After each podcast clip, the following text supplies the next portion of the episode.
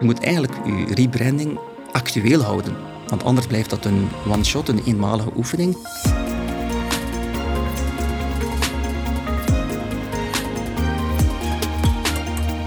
Waarom verkiezen we Apple boven Samsung of Lays boven Crocky? Succesvolle merken varen een duidelijke koers. Ze weten waar ze mee bezig zijn en maken doelbewuste keuzes in wat ze wel en juist niet doen. Hun geheim? Een sterke merkidentiteit. In deze nieuwe aflevering duiken we in de wereld van branding en merkbeleving. We praten erover met Patrick Desrumeau, CEO van het Belgische modelabel Xandres, en branding-expert Jonathan Moerkens van Duval Branding. Welkom, heren. Dag Klaus. Dag Klaus. Beste luisteraars, bereid jullie voor op een crash course branding strategie. Ik ben Klaus Lommage en welkom bij alweer een nieuwe aflevering van The Sessions for Growth. Xandres is een van de meest bekende modehuizen in België. In een kleine 50 jaar groeide het uit van een winkel die zich richtte op kledij voor op het werk tot een fashionable totaalmerk dat bij meer dan 150 multibrand shops wordt verkocht, als ook in de eigen pilotstores en online. Vijf jaar geleden kwamen er nieuwe aandeelhouders aan het roer en Patrick, jij werd toen de nieuwe CEO. Hoe voelt het nu om aan het hoofd te staan van zo'n Belgisch kwaliteitslabel? Hoe voelt het om aan het hoofd te staan van uh, Xander is uh, twee gevoelens. Enerzijds bijzonder fier, omdat je inderdaad kunt teren op uh, bijzonder veel ervaring vanuit het verleden. We bestaan inderdaad al meer dan 50 jaar. En die 50 jaar uit zich inderdaad in um, een sterk merk, heel veel kwaliteit, heel veel know-how, heel veel besef van wat we, wat we moeten doen. Maar anderzijds ook heel ambitieus. En dat maakt het net leuk, omdat we nu deel uitmaken van een grotere groep die bijzonder ambitieuze plannen heeft op internationaal vlak met het merk en het bedrijf is. En dat is heel tof om vanuit het verleden, vanuit die heritage, te kunnen bijdragen met een, een, een zeer enthousiast team in het realiseren van die ambities. Xandris heeft inderdaad een uh, onwaarschijnlijke heritage. Het is echt een van de merken die behoort tot het Belgische merkenpatrimonium. En als ik het goed begrepen heb, Jonathan, zijn jij en Patrick daar samen mee aan de slag gegaan onlangs. Ja, dat klopt. Dus als uh, strategisch brandingbureau uh, was Xander eigenlijk naar ons gekomen met, uh, met een hele duidelijke vraag, die eigenlijk een beetje gelaagd was. Er waren twee, twee lagen in, in, in, in de vraag. Um, er was enerzijds, um, heeft Xander dus eigenlijk heel veel creativiteit in huis, hè, vanuit de stylistes, vanuit marketing. Maar hadden ze eigenlijk een beetje professionaliteit en stabiliteit nodig om, om dat te organiseren. Maar anderzijds had je ook, als je dan over het merk Xandres sprak, um, en je wilde daar wat documentatie van, ja, ieder had wel zijn documentatie, maar dat liep eigenlijk maar voor 80% overeen. Dat kwam eigenlijk maar voor 80% overeen. En dus hoog tijd op dat moment om te zeggen, laat ons even wat dieper in het merk duiken en vanuit de sterkte van Xandris het verhaal voor de toekomst schrijven. Dat is natuurlijk niet niks, hè, want dat is eigenlijk wel een kwetsbaar gegeven, een merk. En dan als je zo een merk hebt met een gevestigde reputatie, gigantische legacy, ik neem aan dat je toch met enige voorzichtigheid te werk gaat. Ja, uiteraard. We doen dat ook niet uh, uh, over, over één nacht, uiteraard. Er is een hele methodologie, aan uh, gekoppeld, waar, dat, waar dat we echt gaan kijken, oké, wat zijn de sterktes van Xanders? We doen daar workshops rond met leadership team. En we gaan ook heel veel desktop research doen. We gaan kijken wie zijn de concurrenten wat is het speelveld waar we in zitten? Hoe communiceren zij? Welke tone of voice gebruiken zij? Uh, en dan gaan we ook kijken, zijn er internationale merken die ons kunnen inspireren om het verhaal uh, scherp te stellen? Ja. Patrick, uh, Jonathan raakt het hier net aan, het uh, betrekken van de eigen medewerkers. Hoe belangrijk is dat aspect voor jou in dit verhaal? dat was een heel duidelijke keuze van onszelf en een, een, een punt waar we ook direct een raakvlak hadden met, uh, met, met, met jullie. Net vanuit die historiek die we hadden en, en de sterkte van het merk die eigenlijk bij heel veel mensen in hun hoofd zat, wouden we die sterkte betrekken bij de oefening die we gedaan hadden. Nu, wat we zagen, wij, zijn nog altijd een familiebedrijf, een familiecultuur. En dat maakt dat het merk eigenlijk wordt uh, geademd door heel veel mensen. Maar tegelijkertijd is dat een valkuil, omdat mensen ademen het wel, wel het merk, maar het staat eigenlijk niet echt op papier. En het was die stap die we echt nodig hadden in de, de volgende stap van Xander is zijnde de internationale stap, dat wij wat in de mensen hun hoofd zit gedurende al jaren, dat we dat eigenlijk heel pragmatisch, maar ook heel gestructureerd wouden vooruitwendigen, zodanig dat we dat ook aan de nieuwe medewerkers, zowel in binnen- als in buitenland, kunnen zeggen, maar kijk, daar staat Xanderis voor. En dat was een oefening die we samen gedaan hebben, gecombineerd de expertise die, die Duval had, in combinatie met de know-how en, en eigenlijk de, het, het ademen van het merk die in heel veel mensen hun lichaam zat, maar onvoldoende echt tot uiting was gekomen. Ja. Er was ook iets heel opvallend opgevallen tijdens de voorbereidende fase, uh, voordat we eigenlijk in het merk doken. En dat was eigenlijk het feit als we dan gingen kijken naar, naar het speelveld, hè, dus naar de directe concurrenten en zelfs in België, als we dan alle teksten daarbij namen die dat we op de website vonden, was het eigenlijk heel verrassend dat eigenlijk al die merken hetzelfde vertelden. En dat het dus heel moeilijk was als je zegt van oké, kijk, uh, je leest uh, het, het, het, verhaal uh, van Xandris. Hoe gaan we er dan voor zorgen dat je vanuit die sterkte vertrekt en het toch ook wel op een onderscheidende manier doet? Dat lijkt mij een van de moeilijke zaken in jullie markt, Patrick, om, om daarin onderscheidend te zijn als merk. Hoe pak je dat aan? Wat was heel grappig toen we het vooronderzoek deden en we leggen de visuals van een tiental uh, merken, collega's en onszelf naast elkaar en we doen de merknaam of het logo weg. En dan was het eigenlijk heel moeilijk om zelfs intern te zeggen van wie is nu welk beeld. Met andere woorden, je pretendeert eigenlijk allemaal een, een, een mooie collectie te hebben, uh, mooie uitingen te hebben, mooie kwaliteit, mooie pasvormen. Maar er is bijzonder weinig onderscheidsvermogen tussen al die merken. En dat is net de kracht van de oefening die we gedaan hebben. Eigenlijk meer uh, in de diepte gaan kijken in het merk. Waarvoor uh, staat Xandris? Um, wat willen we echt vertellen? En dan kom je op het aspect van, wij moeten niet alleen tonen wat, wie we zijn, we moeten ook vertellen wie we zijn. En dat is eigenlijk de grote doorbraak die we, die we uh, samen gemaakt hebben. En dan kom je ook een beetje op het aspect van, um, ja, we zijn best wel wie we zijn, maar dan mag je het ook durven vertellen. En zeg maar wat je anders maakt ten opzichte van vele van je collega's. Ja. Voor mij als merkenbouwer is dat op zich een raar gegeven. Ik wil er graag eens wat dieper op ingaan. Want voor vele mensen is een merk eigenlijk een vaste afspraak waarbij ze exact weten wat ze gaan krijgen. Bijvoorbeeld Douwe Egberts vandaag, je koopt dat vandaag of je koopt dat volgend jaar. Dat is exact dezelfde koffie. Dus eigenlijk een soort vaste afspraak met het product.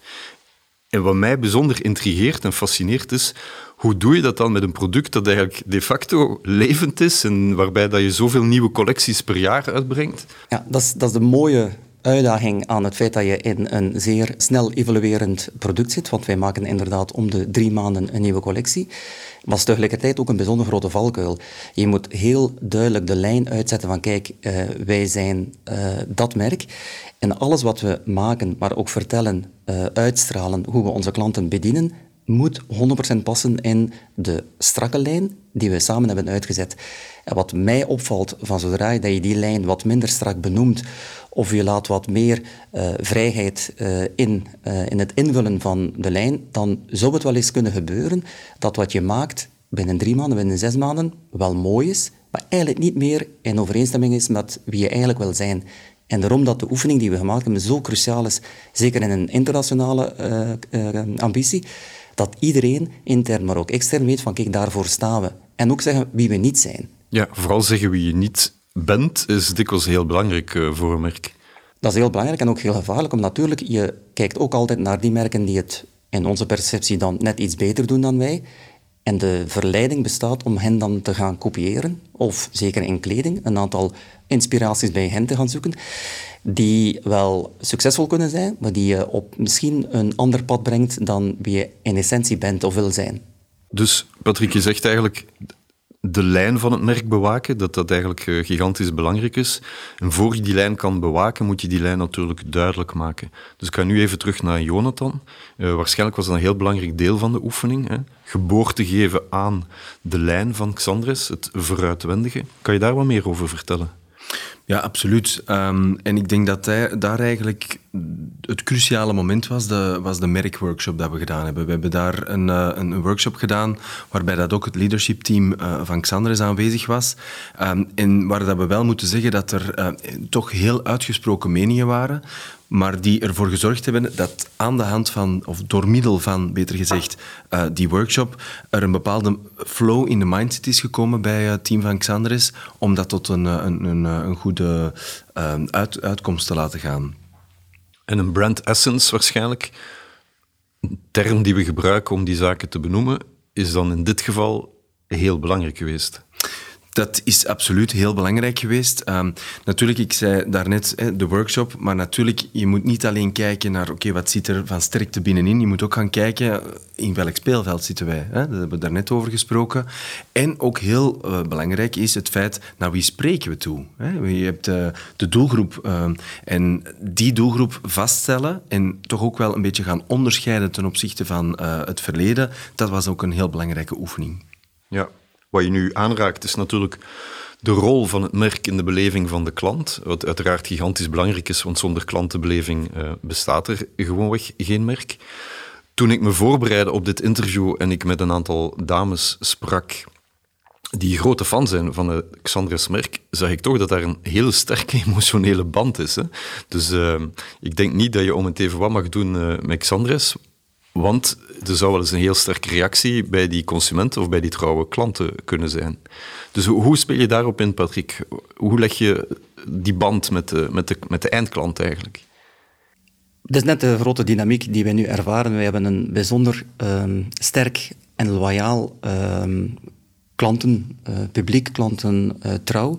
En dat is natuurlijk het resultaat van al uh, heel lang in de Belgische, lees Vlaamse markt um, ja, succesvol te zijn. Anderzijds hebben we ook een toekomst. Uh, zien we ook dat de, de, de, de, nieuwe generatie, de opkomende generaties, toch andere zaken belangrijk vinden dan vorige generaties.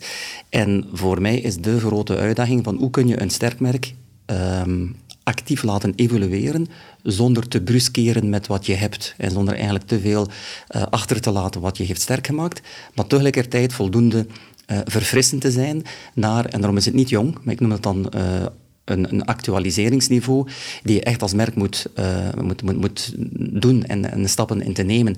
En dat is een heel fragiele oefening die we nu aan het doen zijn, is van oké, okay, zijn, we zijn wat we zijn, maar anderzijds als we niet evolueren, dan worden we ook elk jaar een jaartje ouder.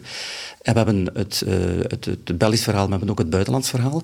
En uh, daarom is het heel belangrijk te zeggen, maar kijk, dit is Xandris, maar ook dit is Xandris 2.0 en daar gaan we naartoe. Dat denk ik inderdaad, dat dat ook gigantisch belangrijk is om die palen uit te zetten.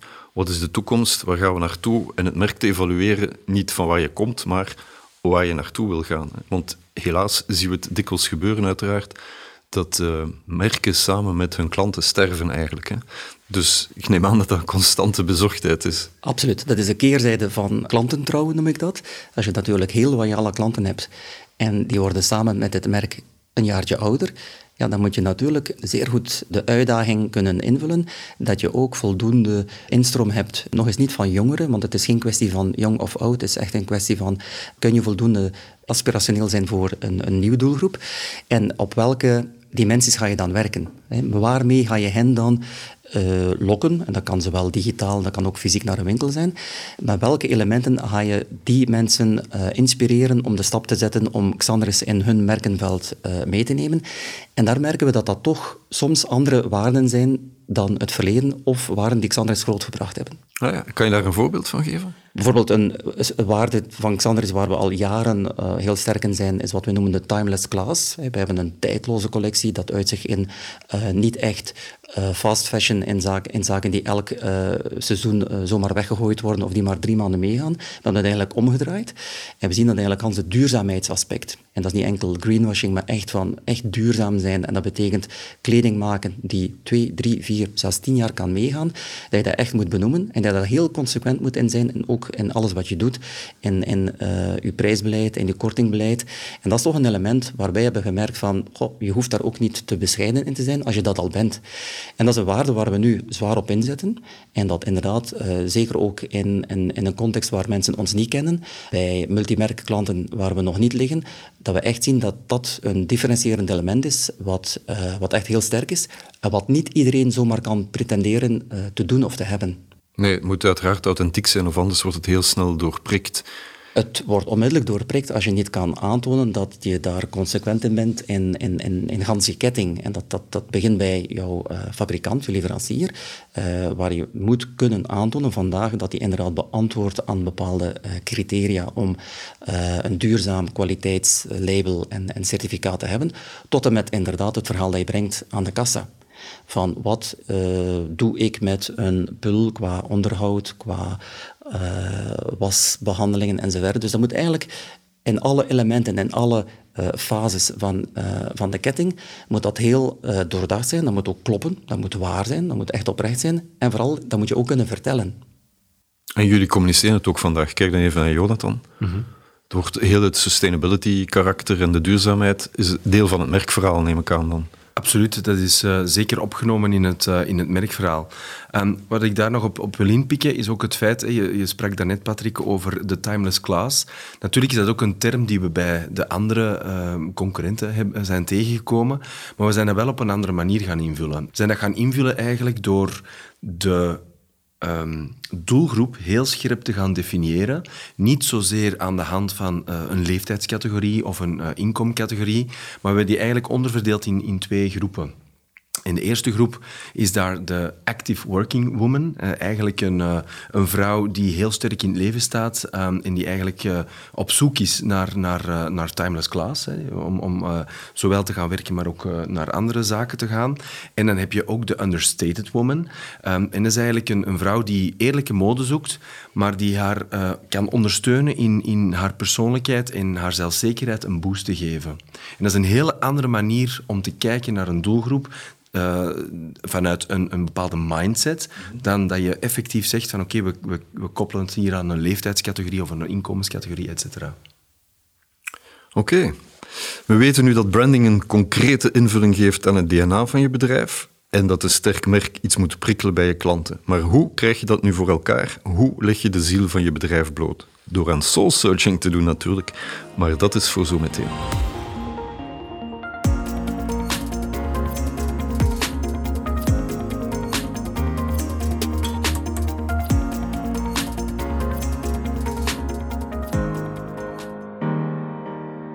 Als je bij Duval Branding binnenstapt, hangt er een hele sterke lijn aan de muur. En ik denk dat die lijn op heel wat mensen indruk maakt, vragen oproept en minstens aanleiding geeft tot een gesprek.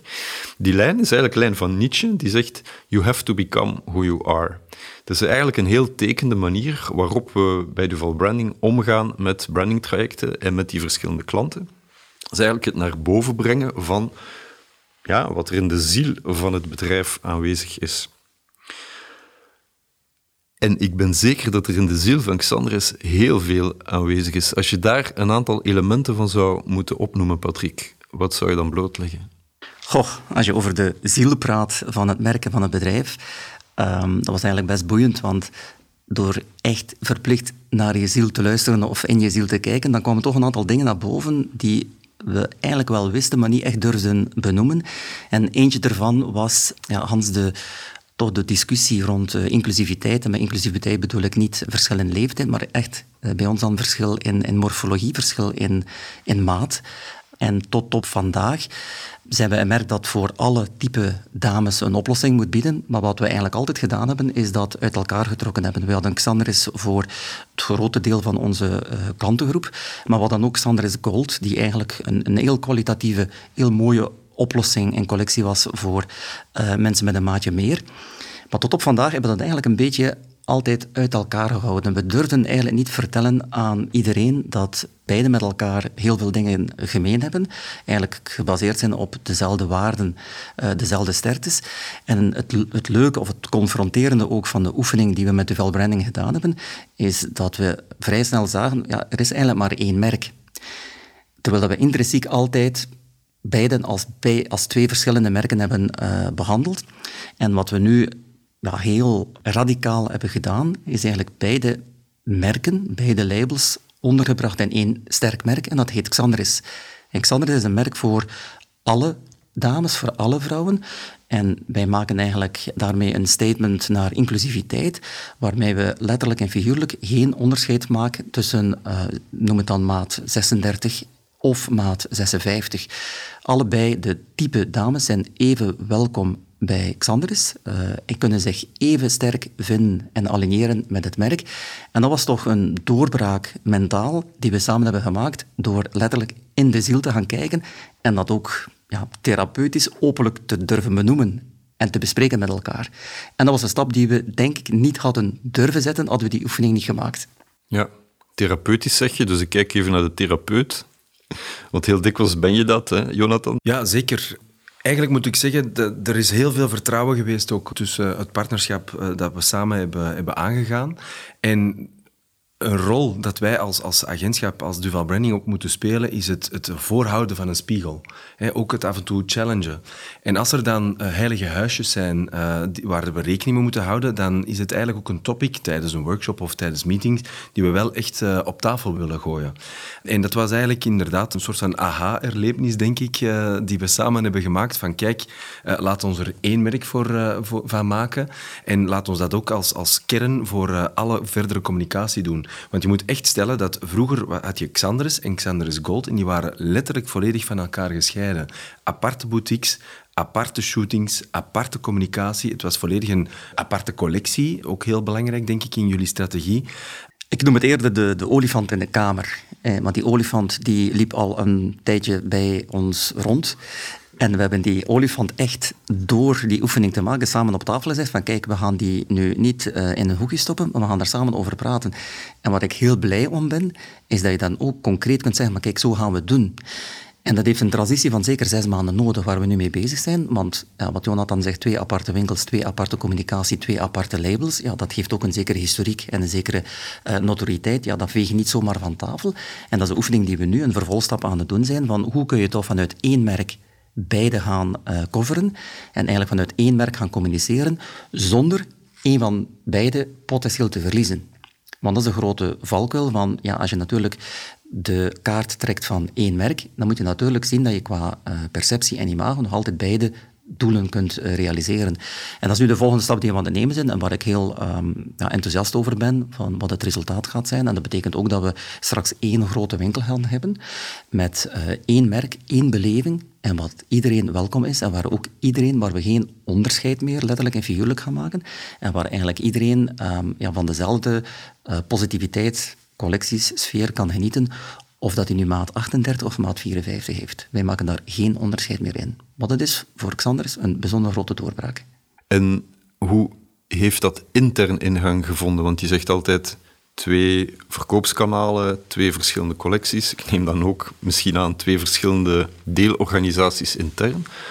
Het was niet zo dat wij twee aparte bedrijven hadden, maar er waren wel twee aparte teams die wel gealigneerd waren met elkaar, maar het werd behandeld alsof we twee aparte merken hadden. En dat is de grote doorbraak nog eens. We hebben één merk, één sterk DNA, één waardepropositie en die geldt voor beide labels. En die gaan we nu samenbrengen in één label. Maar we gaan zeer goed communiceren dat we een inclusief merk zijn. We praten niet over grote maten, we praten over inclusiviteit. En mijn overtuiging is, als je praat over wat maakt het verschil met heel veel andere merken, is dat dat punt. Heel veel merken pretenderen inclusief te zijn, maar zijn dat niet in realiteit. Wij hebben de ervaring, uh, het verleden, wij hebben de know-how van uh, pasvormen, van uh, comfort, van hoe maak je een kledingstuk echt zeer, zeer comfortabel voor iemand met een maatje meer. Ja, dat is natuurlijk een know-how die je niet zomaar kunt kopen, die echt het resultaat is van jarenlange confectieervaring, van atelierervaring, die net het voordeel is van het feit dat wij dit al meer dan 50 jaar doen en effectief ook die ervaring en die kennis in huis hebben. Ja, dat is een hele grote verandering. Ik neem aan dat je ook de nodige aandacht geeft om dat intern te gaan communiceren. Kan je daar iets over vertellen? Want het is voor veel bedrijven heel leerrijk om te horen hoe andere bedrijven dat aanpakken. Ja, dat was ook van meta van de keuze die we met Uval Branding gemaakt hebben, dat eigenlijk dit traject geen traject is van uh, twee mensen uit een directiefunctie die dit gedaan hebben. We hebben echt een team gemaakt van tien mensen uit verschillende uh, afdelingen, uit verschillende uh, lagen ook van de organisatie. Mensen van het veld, mensen van intern, mensen van creatie, mensen van marketing, mensen van sales. En het is net de de, ja, de dynamiek van het team, dat maakt dat ineens ook je interne communicatie veel sterker en veel makkelijker wordt. Je hebt letterlijk vanaf dag één een bijzonder groot draafvlak, omdat dat verhaal niet van extern is gekomen. We hebben niet maar zomaar een reclamebureau aan de hand gepakt die dit voor ons heeft gemaakt en gezegd, zo ga je het nu doen. Nee, dat is eigenlijk een moderator, een facilitator, maar ook iemand die heel sterk de spiegel heeft voorgehouden van, ja, maar vertel me eens, wat wil je nu echt zeggen? En begrijp ik het goed dat? En dat heeft het, de discussie en de interne samenhang bijzonder verrijkt. En dat heeft eigenlijk voor 50% het gemak gegeven naar interne communicatie en een draagvlak. Maar dat was er vanaf dag één, want dat was een samenverhaal. Mm Daar waar je dikwijls rebranding ziet mislukken, is als er te weinig aandacht wordt gegeven aan het intern doorvertalen van het hele verhaal. Jonathan, vanuit jouw ervaring, kan je daar wat meer licht op laten schijnen? Ja, dat klopt, inderdaad. Het is voornamelijk belangrijk als er door een bepaald leadership team, en in het geval van Xander is dat nu uh, tien man, die mee aan dit project hebben getrokken, dat dat ook niet blijft uh, hangen in PowerPoint-presentaties of in een uh, brandboek dat op de bureau van de CEO blijft liggen. Dus het is heel belangrijk om dat dan ook om te zetten in acties die dat je op de werkvloer en in de winkels en zo gaat doortrekken. Dus en daar proberen we met een heleboel tools eigenlijk onze klanten mee, uh, mee te helpen om dat effectief ook praktisch te gaan doorvertalen. En een wervend element heel dikwijls in die communicatie is de lijn of een lijn of een, of een bepaald statement. Uh, welk statement hebben jullie voor Xanders gekozen? Het statement dat we voor Xanders hebben gekozen is eigenlijk een antwoord dat we geven naar de doelgroep toe. We hebben daar straks gesproken over het feit dat we gaan die doelgroep niet in een hokje steken qua leeftijd. Ondertussen hebben we ook de maat besproken, eh, qua inkomen, et cetera. Nee, we hebben die eigenlijk eh, op een bepaalde mindset gezet en we hebben er eigenlijk voor gezorgd voor een, een lijn die daar een, een volledig antwoord op geeft. En dat is always be in the moment. Wat bedoelen we daar nu eigenlijk mee? Daar willen we mee zeggen dat elke vrouw op eender welke plaats of moment dat je bent, er perfect zal bij horen. Eh, je zal in elke setting zelfzeker tegemoet gaan en fashionable zijn. Nooit op de voorgrond en ook nooit in de verkeerde stijl. Uh, eigenlijk altijd perfect in sync met het moment. Uh, steeds als een elegante persoonlijkheid tussen luide en stille mode. En ik denk dat dat een, een heel duidelijk antwoord is op het feit, oké, je hebt de active working woman, en als we daar een voorbeeld van mogen geven, is dat, stel, uh, de vrouw gaat de hele dag werken, maar heeft daarna een diner of een cocktail, ja, dan hoef je niet van kleden te, gaan veranderen, maar ben je eigenlijk voor de, de beide perfect in sync. En als we dan spreken naar de understated woman, is het voornamelijk om mode te geven die perfect in sync is met de, de huidige trends en, en uh, zaken die er zijn, maar die ook niet per se uh, schreeuwerig of luid zijn, waarbij ze een, een, een deuk zouden kunnen uh, veroorzaken voor de zelfzekerheid. Dus eigenlijk een mode die elegant is, die ervoor zorgt dat je heel zelfzeker in je schoenen kan staan. De zelfzekerheid is dan en benefit voor de, voor de klant of voor de Xandres-dame? Uiteraard, ja, ja. Patrick, vanuit managementperspectief, ik neem aan dat je niet elke dag een rebranding doet. Wat zijn voor jou zo de, de grote lessen of misschien zelfs mogelijke pitfalls uh, bij zo'n rebranding traject? Jonathan heeft er net een, heel belangrijke al benoemd. Dat is dat het enthousiasme van een rebranding is er heel sterk het moment dat je die oefening hebt afgerond. Maar je moet zeer goed opletten dat dat niet beperkt wordt tot één week of hooguit uh, één maand. De grote uitdaging voor ons bestaat erin dat wij de, het resultaat van die rebranding, de waarden die we samen herdefinieerd hebben, dat we die dagdagelijks toepassen in alle facetten van een organisatie. En dat start uiteraard met de creatie. Zoals ik net zei, wij maken om de drie maanden een ja, quasi totale nieuwe collectie. De grote, grote uitdaging is dat we die zes waarden die we samen bepaald hebben, dat die spreekwoordelijk als een kapstok hangen boven de creatieafdeling, dat dat een kader moet zijn, dat dat een framework moet zijn waarbinnen we creatief moeten zijn. Dat mag absoluut geen beperking zijn, maar het is een kader. Wij maken en ontwikkelen kleding voor die doelgroep binnen dat kader. En de boodschap die ik hier wil geven is van, het is nooit gedaan, die rebranding. De uitdaging, de kracht bestaat erin dat elke dag iedereen die met het merk bezig is, spreekwoordelijk die waarden kan zingen en blijft uitstralen in alles wat hij of zij doet. En dat is voor mij de grote valkuil, zoals je daarnet zegt, dat mag niet een mooie PowerPoint-presentatie die dan uh, jaar 1 in je bovenste schuif ligt en jaar 5 in je onderste schuif. En wanneer een nieuwe CEO komt, eh, dat die gewoon uh, verdwenen is. En dat is voor mij de grote, grote challenge in, in die oefening die we nu gedaan hebben. Dat vind ik wel heel opmerkelijk wat je nu zegt en ik had er zelf nog nooit zo over nagedacht. Ik denk dat dat voor veel mensen een eye-opener is.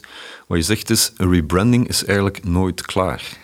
Nee, want anders is het een statisch, uh, statisch gegeven. Wij moeten daar elke dag mee aan de slag. Wij openen elk seizoen een nieuwe winkel. Wij maken uh, elke week een nieuwsbrief. Wij maken 800 nieuwe modellen per jaar ja, je moet dit altijd vanuit die Bijbel, vanuit dat DNA uh, gaan doen, wetende dat de mode elk seizoen verandert, dat er bepaalde nieuwe tendensen komen, dat er bepaalde nieuwe evoluties komen. Dus je moet eigenlijk je rebranding actueel houden. Want anders blijft dat een one-shot, een eenmalige oefening, die je misschien binnen drie jaar opnieuw gaat doen. En zegt van, tja, wat heb ik nu meegenomen van de vorige keer? Ja, een stukje, maar niet alles. En voor mij is dat eigenlijk een, een dagdagelijkse opdracht. Dat hangt ook in, in elke winkel uit. Bij elke klantenbezoek aan multimerkenwinkels die wij nu doen, uh, in het buitenland, ja, geven wij het DNA van ons merk af in plaats van een visitekaartje, omdat dit zijn wij. In woord en in beeld tonen wij van kijk, dit is Xandris. En dan heb je ineens een heel inhoudelijk gesprek en dan toon je wie dat je bent.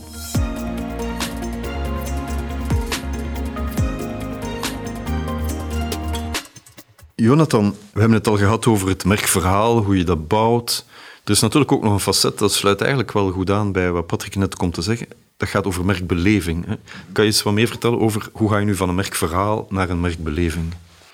Ja, voilà. Dus het is heel belangrijk om goede fundamenten op papier te zetten en vanuit een heel sterk verhaal te vertrekken. Dan is het natuurlijk de, de, de belangrijkste stap om die fundamenten door te vertalen naar absolute praktische uh, doorvertalingen. En in het geval van Xandres ging dat dan over hoe brengen we die always be in the moment tot leven in het winkelpunt. Hoe brengen we dat uh, naar boven, zelfs in de allerkleinste banner die je ziet op uh, een of ander sociaal kanaal. En het is daar eigenlijk het houden aan het verhaal dat we samen geschreven hebben en het in acht houden van de tool waar dat je op dat moment mee bezig bent. Oké. Patrick, jullie kozen ook onlangs voor een hele andere channelstrategie. Jullie gingen naar een omni-channel-strategie. Ik neem aan dat dat ook heel wat challenges uh, stelt. Kan je daar als leider iets meer uh, inzicht in geven? De evolutie naar een omni-channel-strategie is al uh, twee, drie jaar bezig. Is natuurlijk door wat we meegemaakt hebben de afgelopen 18 maanden in een enorme uh, stroomverstelling terechtgekomen. Wij hebben afgelopen jaar, uh, zoals heel veel andere bedrijven en merken, gedaan wat we misschien anders zonder corona uh, vijf jaar hadden nodig gehad. Maar de grote uitdaging voor mij is dat we niet langer praten over een kanaalconflict, maar eigenlijk een, een, een kanaalmanagement, waarbij wij altijd denken vanuit die eindconsument en hij perfect kunt zeggen van kijk, we gaan hem digitaal inspireren door middel van een, een nieuwsbrief, een Instagram-post, wat een, een influencer vertelt over ons. En dan is dat voor mij uh, heel sterk een vorm van traffic builder. En of de consument nu naar een eigen winkel gaat, uh, naar een multimerkwinkel gaat, op het web koopt, al of niet bij ons van een multimerkklant, straks bij Zalando, mij maakt dat niet uit, zolang hij of zij Maxandris koopt. En de grote kracht bestaat om al die krachten die spelen over, noem het dan de customer journey, dat die gewoon gealigneerd zijn met elkaar. En dat is een grote uh, verschil in visie nu ten opzichte van twee jaar geleden, dan praten we vaak over ja, het woordje conflict en, en, en, de discussie tussen kanalen. Ja, van mij mag je zo niet meer denken. Vandaag gaat het over de eindconsument en die hopt letterlijk tussen de verschillende kanalen door. En mij maakt het niet uit waar hij of zij uiteindelijk koopt, als hij Max Andres koopt. En is het als brandowner makkelijk om al die kanalen, ik ga het even zo noemen, in het gareel te houden? Om je merk consistent over die kanalen heen te verdelen? Dat is een bijzonder, bijzonder moeilijke oefening. Zeer uitdagend, omdat je net ook met verschillende uh, ja, interesses zit. En ook met verschillende, vaak ja, conflicterende belangen. Uh, en het is net de kunst om die belangen um, niet te laten conflicteren, maar op één lijn te krijgen.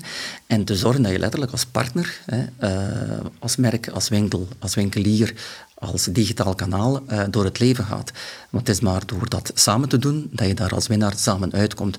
Dus wij gaan echt uh, alle onderdelen, alle partners in de ketting, gaan wij uh, bekijken vanuit, ja, ik heb jou nodig en jij hebt ons nodig, en wat kunnen we voor elkaar betekenen? En dat is wel de grote verschil, uh, verschil in visie, of, of verschil in gevoel ten opzichte van twee, drie jaar terug, waar uh, wij dit samen gaan doen, en waar je dat niet kunt tot een succes laten eindigen als je dit niet vanuit een partnership gaat bekijken. Vanuit brandingperspectief wil ik hier nog, nog even iets aan toevoegen. En dat is eigenlijk in die omnichannel uh, aanpak en de rol en, en ehm, hoe moet ik zeggen, de evolutie van een merkverhaal naar een merkbeleving, is er nog een heel belangrijk element en dat is eigenlijk de tone of voice. We hebben ook tijdens onze oefening samen de merkpersoonlijkheid van, een merk, eh, van het merk Sandres samen vastgesteld. Um, elk merk heeft zijn eh, persoonlijkheid. Hè. Ben je meer eh, exclusief of mass appeal? Ben je meer een authority of een friend? Ben je meer een rebel of conventioneel, et cetera? Um, die zijn we ook heel duidelijk gaan, gaan uitschrijven en gaan bepalen, samen ook uh, met, met het leadership team van Xandris.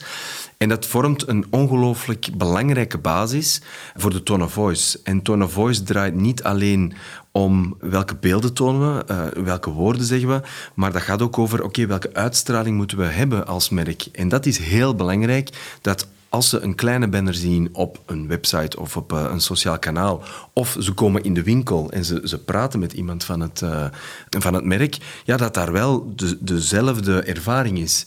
En ik denk dat uh, dat, dat ook een, belangrijk element is om in acht te nemen als je die omnichannel approach gaat, gaat aanvatten. Oké.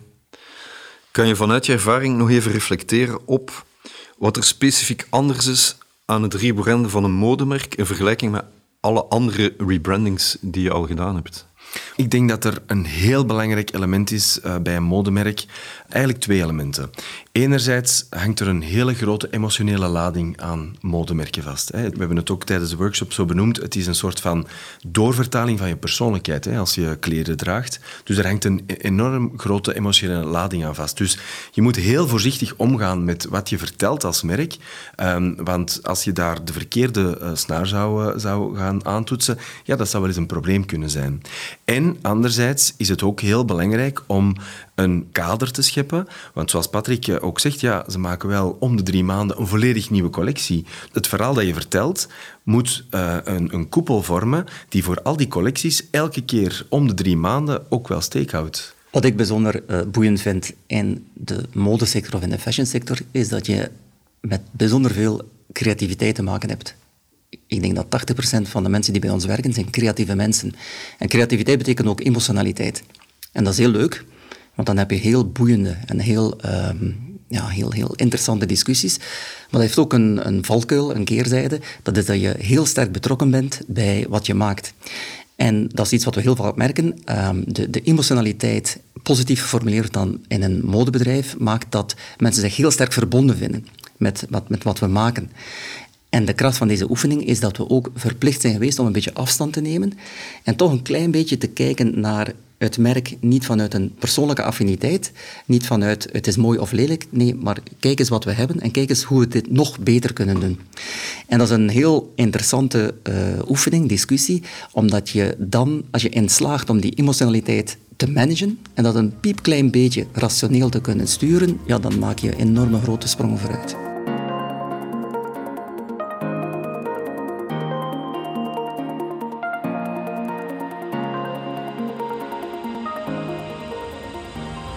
Patrick, in de laatste vijf jaar dat je nu CEO bent van, uh, van Xandris, en je moet er zo één verwezenlijking uh, uitkiezen waar je het meeste trots op bent, wat zou dat zijn? Als ik dan toch eentje mag noemen, als we de inclusiviteit oefening consequent doortrekken, dan ben ik daar echt wel heel uh, trots op dat we de olifant hebben benoemd en dat we die ook hebben opgelost. En dat maakt ons inderdaad een, een uniek merk dat echt dingen doet wat anderen pretenderen te doen, maar het in essentie uh, niet doen. Dus dat is voor mij dan toch, ja, bewijzen van, uh, van waar ben je trots op, is dat toch wel de, ja, het element dat ik denk van, maar daarmee gaan we het grootste verschil maken. Ja, dus eigenlijk een deel van je legacy straks, als alles lukt, wat je sowieso uh, op een bepaald moment achterlaat, is toch die inclusiviteit voor het Xandres-merk. Als je nu eens terugkeert naar 20, 30 jaar in de tijd en de Patrick van vandaag ziet de jonge Patrick. Wat zou het advies zijn die je aan de jonge Patrick geeft? Ja, onder de noemer moeilijke vraag kan dit tellen. Um, ik denk dat de, de, actuele Patrick tegen de jonge Patrick gaat zeggen van uh, wees wat minder ongeduldig. Uh, want uh, alles komt uiteindelijk goed.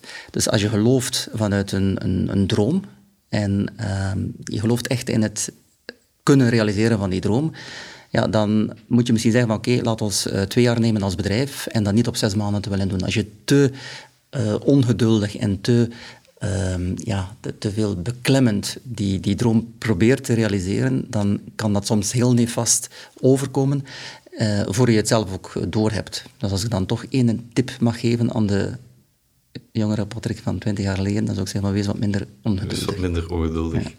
En jij, Jonathan, als je twintig jaar terugkeert in de tijd, wat zeg je tegen jezelf? Ja, toen was ik aan het, uh, het starten met studeren. Ehm, en, ik weet nog dat de vraag toen aan me gesteld werd van oké, wat, wat, wil je eigenlijk worden later? En, en ik ben handelshogeschool gaan, gaan studeren. Ik zei ja, ik ga dit studeren omdat ik manager wil worden. En ja, manager, maar dat was heel erg Ehm, ja, open en breed uiteraard. En ehm, ik denk als ik op dat moment had geweten en, en, de oudere Jonathan zou zeggen tegen de jongere Jonathan van geloof nog wat meer in je sterkte en uh, geloof nog wat meer in ehm, de richting dat je, dat je echt eh, heel, heel specifiek wil uitgaan, ja, dan, dan had het mij wel geholpen om misschien nog sneller naar uh, een, een, marketing en een, een meer creatieve richting te gaan.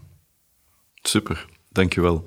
Ik wil jullie heel graag bedanken voor dit eh, gesprek. Ik ben zeker dat er heel veel waardevolle inzichten voor de luisteraar tussen zitten. Ik onthoud alvast uh, drie zaken, waarvan één met stip. Eén, rebranding is eigenlijk nooit klaar. Het is een permanente opdracht. Twee, als je kiest voor een omnichannel strategie, zorg je dan voor dat je de conflicten vermijdt en probeer alle neuzen in dezelfde richting te zetten. En drie, het vergt toch wel een speciaal talent om creatief talent te managen. Het komt vooral neer op het creëren van de ruimte en de juiste context om dat creatief talent te laten schitteren. Dank jullie wel voor dit gesprek. Graag gedaan. Dit was de podcast Sessions for Growth van Duval Union. Zoek jij nog naar een partner om je merk nieuw leven in te blazen? Surf dan zeker naar duvalbranding.com of neem contact op met Jonathan. Vond je deze podcast leuk? Eén boodschap, like en subscribe en mis geen enkele aflevering. Bedankt en tot de volgende keer.